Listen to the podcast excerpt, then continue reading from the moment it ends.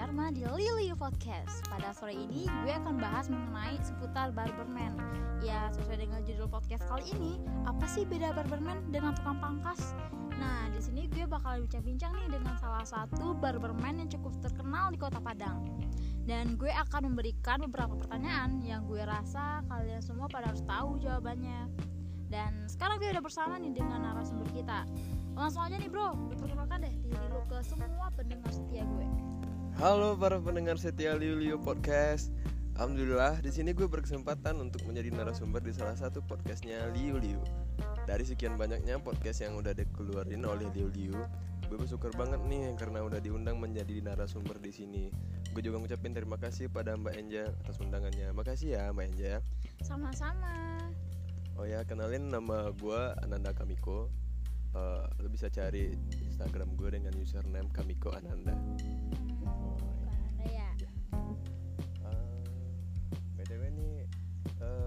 Enja, Ya. lo manggilnya apa ya Mbak Kak ke apa? Soalnya Mbak masih muda gini loh. Pandai banget sih ya. Hmm, bagi gue sih terserah aja sih Ada- lu ada mau manggil apa. Panggil aja. Hmm, ya udah deh terserah lu aja sih. Tuh, seenaknya lu aja. Eh,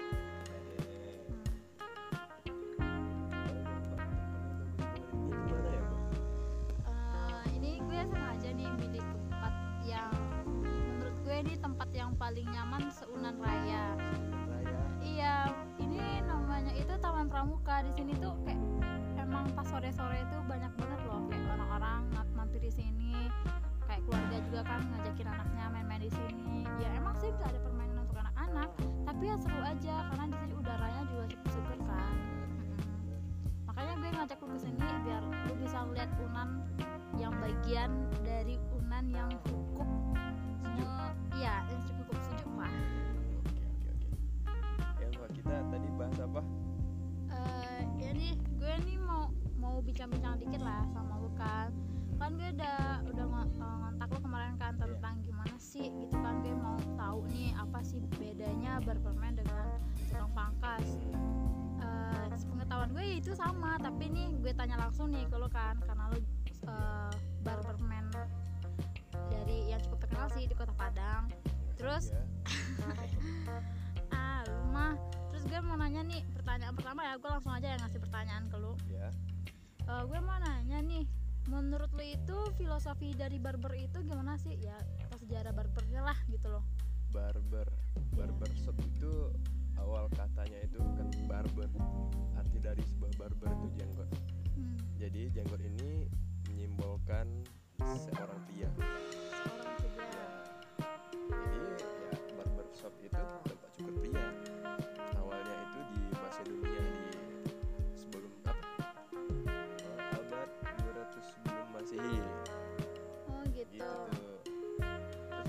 ada filosofi tentang pasti orang pada tanya nih tentang lampu barber yang terputar itu. oh iya iya lampunya ya Ya. sama ya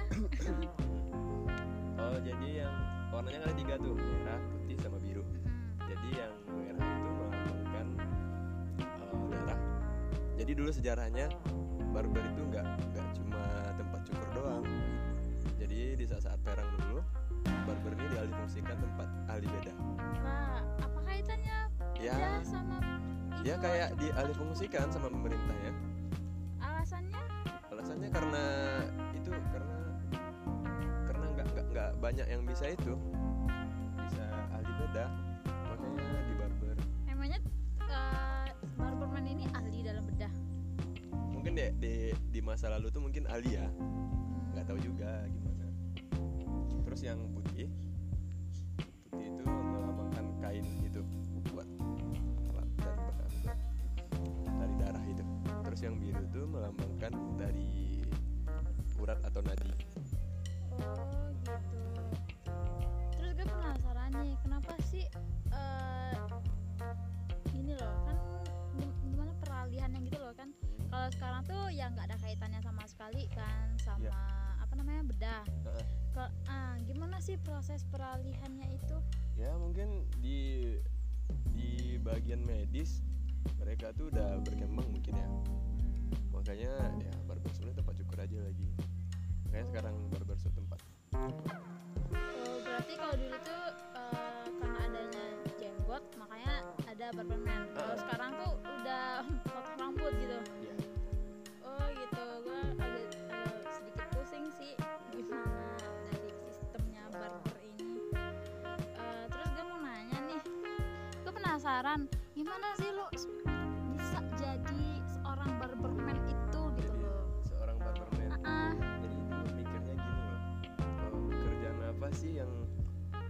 bisa uh, nyelamatin gue sampai tua dan gue bisa hidup di mana aja. Terus ketemu tuh sama teman. Bang lu mau jadi barberman nggak? Lu keren. Nah, kan belajar di ya belajar gue di sana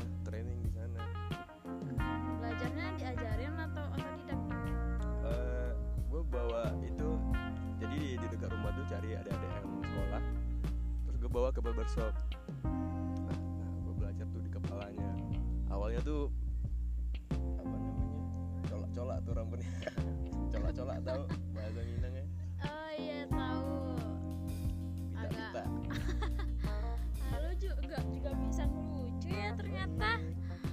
Ah, ini nih sesuai dengan judul kita nih. Gue bakal Iya. tanya sama lo, apa sih beda barberman itu sama tukang pangkas? tukang pangkas sama barberman. Ah, kalau dalam artiannya barberman itu ya tukang pangkas gitu. Cuman bedanya itu kalau di Indonesia eh, pangkas rambut yang ada di Indonesia dia itu ngejar quantity.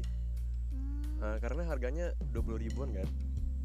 Ya 12 juga kalau ada. dia ngejar quality dia bisa ngabisin waktu itu sejam. Hmm, berapa dia dapat duit?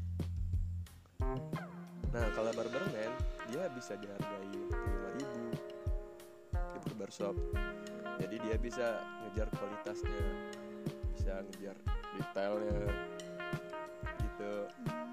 Jadi bedanya itu dari segi quality sama kuantitinya. kuantitinya kalau tukang pangkas dia ngejar quantity kalau barbershop dia kualitas Berarti sama aja dong. Berarti tukang pangkas sama barberman itu emang aja. sama. Berarti juga sama. Berarti yang membedakannya itu hasil dari pekerjaannya. hasil dari pekerjaannya Ya, berarti terus pelayanannya juga ah, pelayanannya.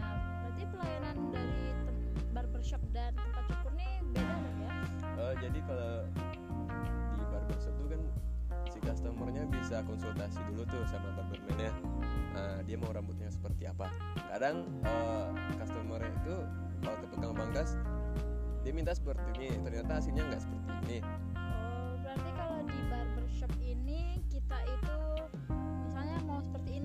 dan Heeh. itu tuh kayak udah pasti gitu hasilnya Ah, udah. bakal seperti Bakal seperti apa itu. yang mereka ya inginkan. misalnya Nah. misalnya dia minta eh, kayak David Beckham Hmm. ternyata kepalanya nggak mirip sama David Beckham nah terus dia nanti si barberman ini nyaranin "Ah, rambut rambut abang nggak bisa kayak gini karena kepalanya kayak gini gitu Oh, gitu. Oh, jadi tergantung kepala juga ya Mm-mm. kayak gimana rambut yang Mm-mm. mau dicukur itu. Iya. Gitu. Soalnya tiap orang beda-beda kan tekstur kepalanya Oh iya iya iya bener juga sih. Eh terus nih gue mau tanya, nih selama lu jadi barberman, Iya. gimana sih suka dukanya jadi barberman itu? Kan setahu gue nih kan orang-orang itu nganggap kan kalau Iya. kalau barberman itu ya oh tukang pangkas gitu kan orang nganggap nganggap remeh gitu kan ya gue gue bingung nih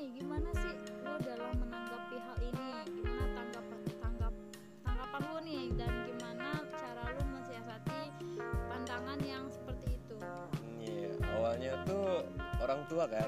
"Eh, mau ngapain kerja di barbershop lu bisa hidup nggak di barbershop terus lu bilang kan tenang aja mah gue bakalan hidup di barbershop gitu.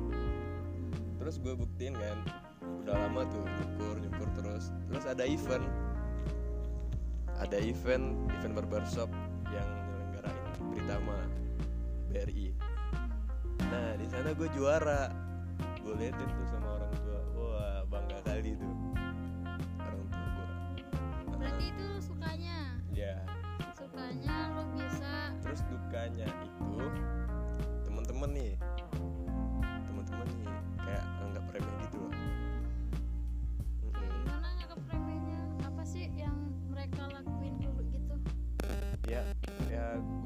dari dari orang sih. Ih kerja tukang cukuannya kayak gitu. Oh. gimana sih perasaan lu ketika dibilangin kayak gitu? Ya sakit hati atau gimana? Sedih atau gimana? Gue gue jadiin motivasi aja. Hmm, ketika orang motivasi. ya biar lebih semangat lagi belajar nyukurnya biar buktiin ke orang tuh gue bisa hidup loh di sini gitu. Gue bisa terkenal kok di sini. Gue dapat pengakuan kok dari teman-teman gue dari orang tua ngapain lo sibuk ngurusin gue? Gitu aja. Hmm, ada nggak sih eh, salah satu seorang barberman juga yang jadi eh, idola bagi lo tuh atau menjadi motivasi bagi hidup lo gitu? motivasi ada namanya Fabio Marquez. Dia nama barbershopnya Figaros. Figaros Barbershop Lisboa berada di Portugal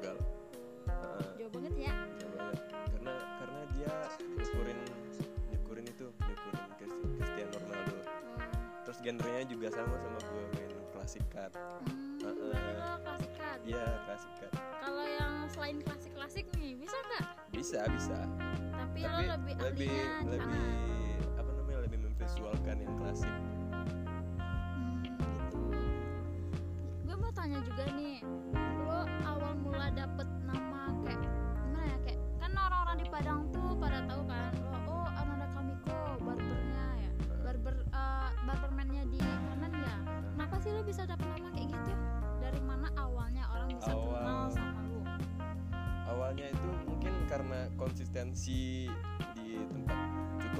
terus eh, gue juga branding di sosial media di Instagram gue bikin video terus hasil cukur gue post di Instagram. Nah terakhir itu gue winner itu winner eh, event cukur rambut. Nah dari situ banyak yang kenal sama gue. Hmm, terus gue sempat kemarin tuh bikin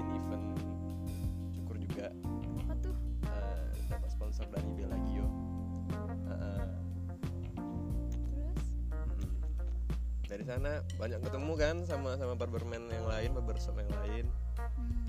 dari sana tuh banyak yang kenal oh ini yang Nanda Kamiko Oh, gitu. ya bang gue tetap rendah hati pokoknya Oh,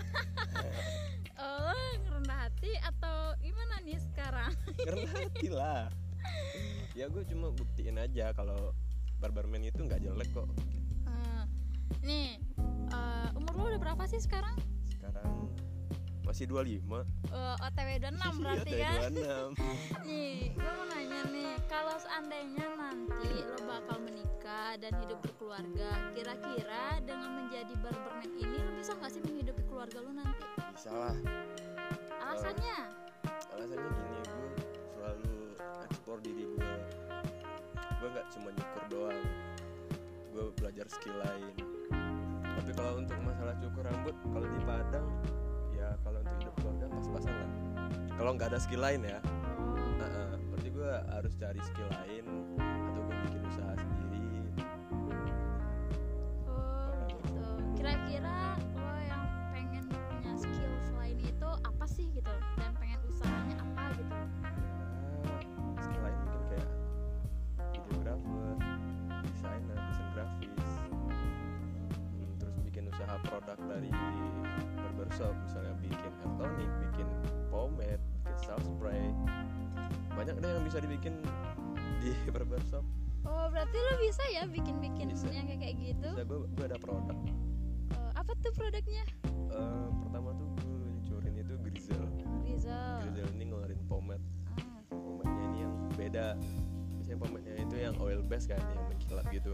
Jadi gue campurin tuh sama clay bentonite clay namanya jadi fungsi bentonite clay ini buat mudarin itu dari kilapnya yang tadi jadi dia setengah kilap setengah pudar Nah, gitu terus ada juga Angelwood gue produksinya hair tonic Oh, hair tonic ya. Itu bisa untuk cewek dan cowok ya. bisa cewek dan cowok Apa sih manfaat dari hair tonic Angelwood itu? manfaat hair tonic dari Angelwood itu bisa menghilangkan ketombe menyuburin rambut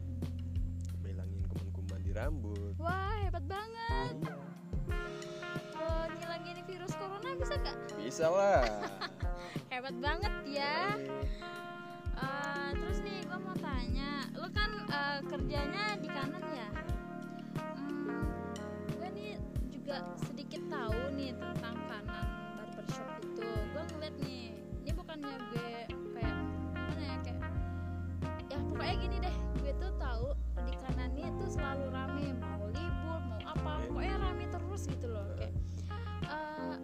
sih yang membuat kanan itu bisa menjadi seperti itu gitu loh? Dan apa sih beda eh, barber dari kanan eh kanan barber shop ini dengan barber barber lain? Maaf ya gue ngomongnya agak berbelit-belit dikit karena gue juga bingung nih sebenarnya.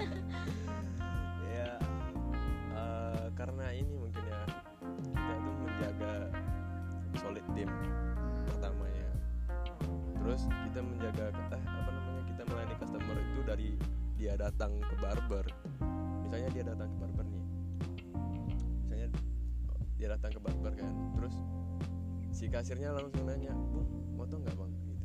Jadi customernya tuh nggak dibiarin bingung gitu loh. Jadi didilanin sampai dia cukur hal yang paling mencolok nih perbedaan kanan Perbedaannya? dengan yang lain gitu. Eh, satu kata aja deh. barber fotografi. Oh barber fotografi. Jadi setiap customer itu setelah nyukur kita fotoin terus kita kirim ke email dia. Oh berarti di barber barber lain nggak ada yang kayak gitu? Nggak ada. Udah pasti nih. Ada tapi nggak konsisten kami. Kami setiap customer tuh kami kami foto. Oh berarti kalau barber lain itu konsisten mungkin gitu? kalau barber lain itu mungkin misalnya nih rambutnya bagus misalnya. Hmm. di fotonya baru dikirim gitu. Kalau kami itu setiap customer. Emang SOP kami seperti itu. Jadi setiap barberman yang ada di kanan itu habis nyukur langsung motoin si customernya langsung dikirim ke emailnya. Iya. Itu yang ngirim itu eh, di bagian mana? Apa? Di bagian kasir. Oh di bagian kasir Iya. gitu. Heeh. oh gitu.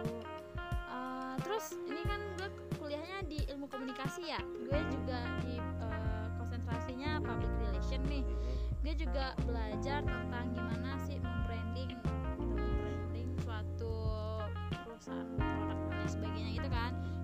tanya gimana sih strategi brandingnya dari kanan ini? Dan eh, gimana eh, apa ya gimana service excellent yang dilaksanakan oleh kanan ini? Gitu loh. Jadi strategi brandingnya itu awal buka nih kita kasih promo kan. Kasih promo. Terus yang paling utama tuh sebenarnya strategi brandingnya itu dari tadi Nah, tadi jadi customer itu kan nanti kita kirim tuh fotonya. Hmm, nanti kan di postnya tuh. Ya. setelah setelah fotonya dikirim di kasir tadi si kasirnya bilang bang nanti tek kanan ya. Oh gitu. Iya tek kanan ya jadi itu strategi brandingnya.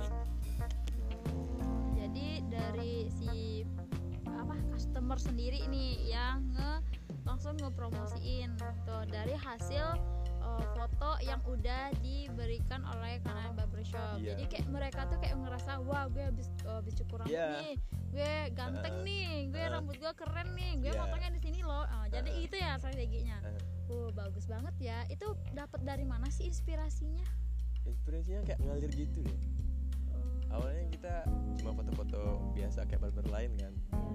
terus kita patenin aja buat di itu jadi SOP terus strategi brandingnya ini juga. Jadi setiap barberman yang di kanan tuh dia wajib post setiap hari itu tentang barber. Oh wajib ya? Wajib. itu apa ada pemeriksaannya atau gimana? Apa emang udah jadi ini ya?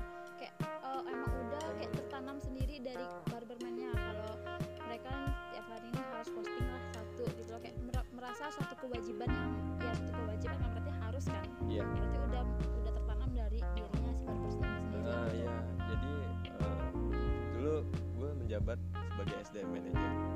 Jadi setiap eh, SDM itu gue motivasi gini lu seorang barberman lu seorang pelayan jasa lu lu mencari apa namanya customer tuh nggak bisa datang sendiri. Lu harus carinya itu ya bikin dia senyaman mungkin ajak dia komunikasi foto dia minta whatsappnya dia follow follow di Instagram.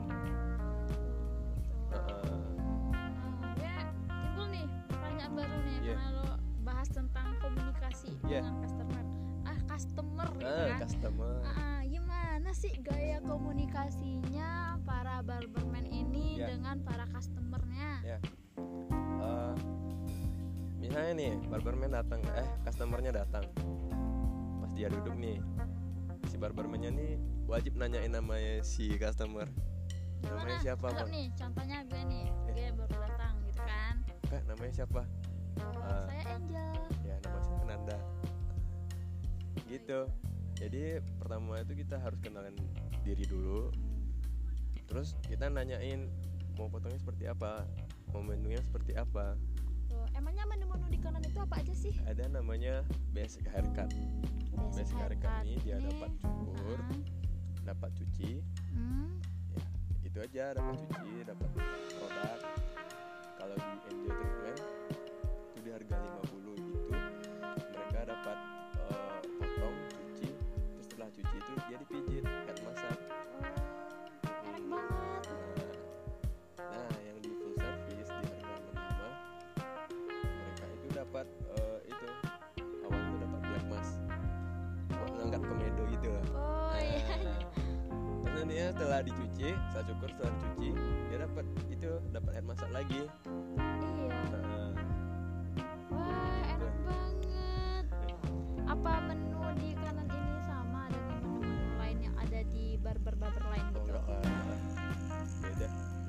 gunain enjo treatment itu kita doang Iya. Heeh. Sampai sekarang nih emang nggak ada ya barber yang punya eh, menu-menu. Hmm, ada ada tapi beda-beda menunya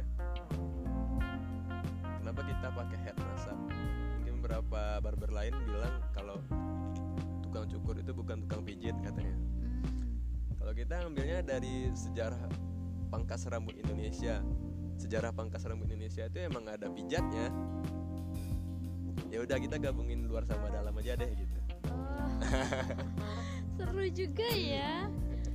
Hmm, Berapa orang sih barberman yang ada di kanan itu? sekarang ada delapan orang 8 orang. Wah. Total kursinya berapa nih? lima 5. Berarti ganti-gantian gitu ya Ganti-gantian. biar nggak capek gitu. Nah, seharinya ada yang libur Oh, gitu. Hmm. Dalam sehari itu libur berapa orang? Satu orang Oh, satu orang. Hmm. nah sekarang gue lagi libur Oh, iya. Ini liburnya sengaja karena ini atau gimana emang nih? sengaja karena ini Wah, Karena gue merasa terhormat banget nih. Makasih banget ya Ananda. Eh, panggilannya Ananda kan? Iya. kadang ada yang manggil Biko serah Oh, iya iya iya. Gue panggil sayang aja boleh nggak sih? Ah, iya nih. Gue nih pertanyaan terakhir gue ya. Eh, Hmm, apa sih pesan-pesan eh, kamu? Eh, udah kamu aja. apa sih pesan-pesan lu untuk barber-barber lain di luar sana? Atau kata-kata motivasi baik untuk eh, barbermannya atau barbernya sendiri gitu. Loh. ya motivasinya paling ini. Jangan pernah malu sama apa ya yang lu kerjain. Tetap semangat terus. Tetap branding diri lu supaya pelanggan lu banyak. Hmm, jangan malu deh. Tukang cukur itu enak kok. Kerja dalam AC nggak perlu keluar kena keringat lu dapat duit bisa ngobrol sama orang. Iya kan? Eh bentar deh, ada pertanyaan satu Apa? lagi.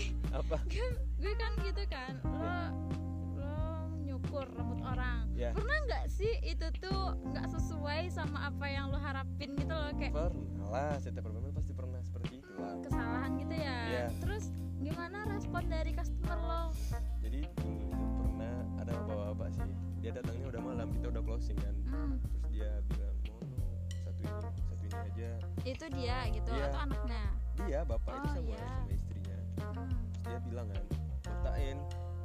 kepalanya dia bilang botain kan. Terus gue cukur nih. Kayaknya dia cu- di barber itu kalau botak itu kan pinggirnya tipis tuh. Mm-mm. nah ketika gue nyukur dia itu dia tidur. Hmm. gue ngobrol nggak didengerin. Hmm. pas gue nyukurnya tipis kan pas dia bangun. Ah kok tipis gini? gitu. Terus dia marah-marah kan. Gue tetap diam aja. Ya ada bapak tadi tidur pak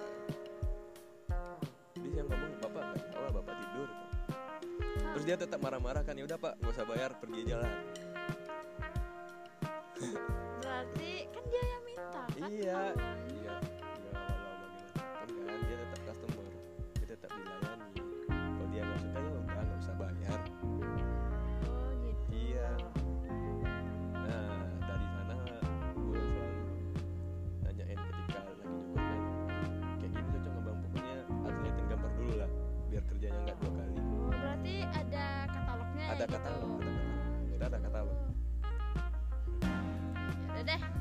Menjadi pertanyaan penutup Pertanyaan dari penutup. gue.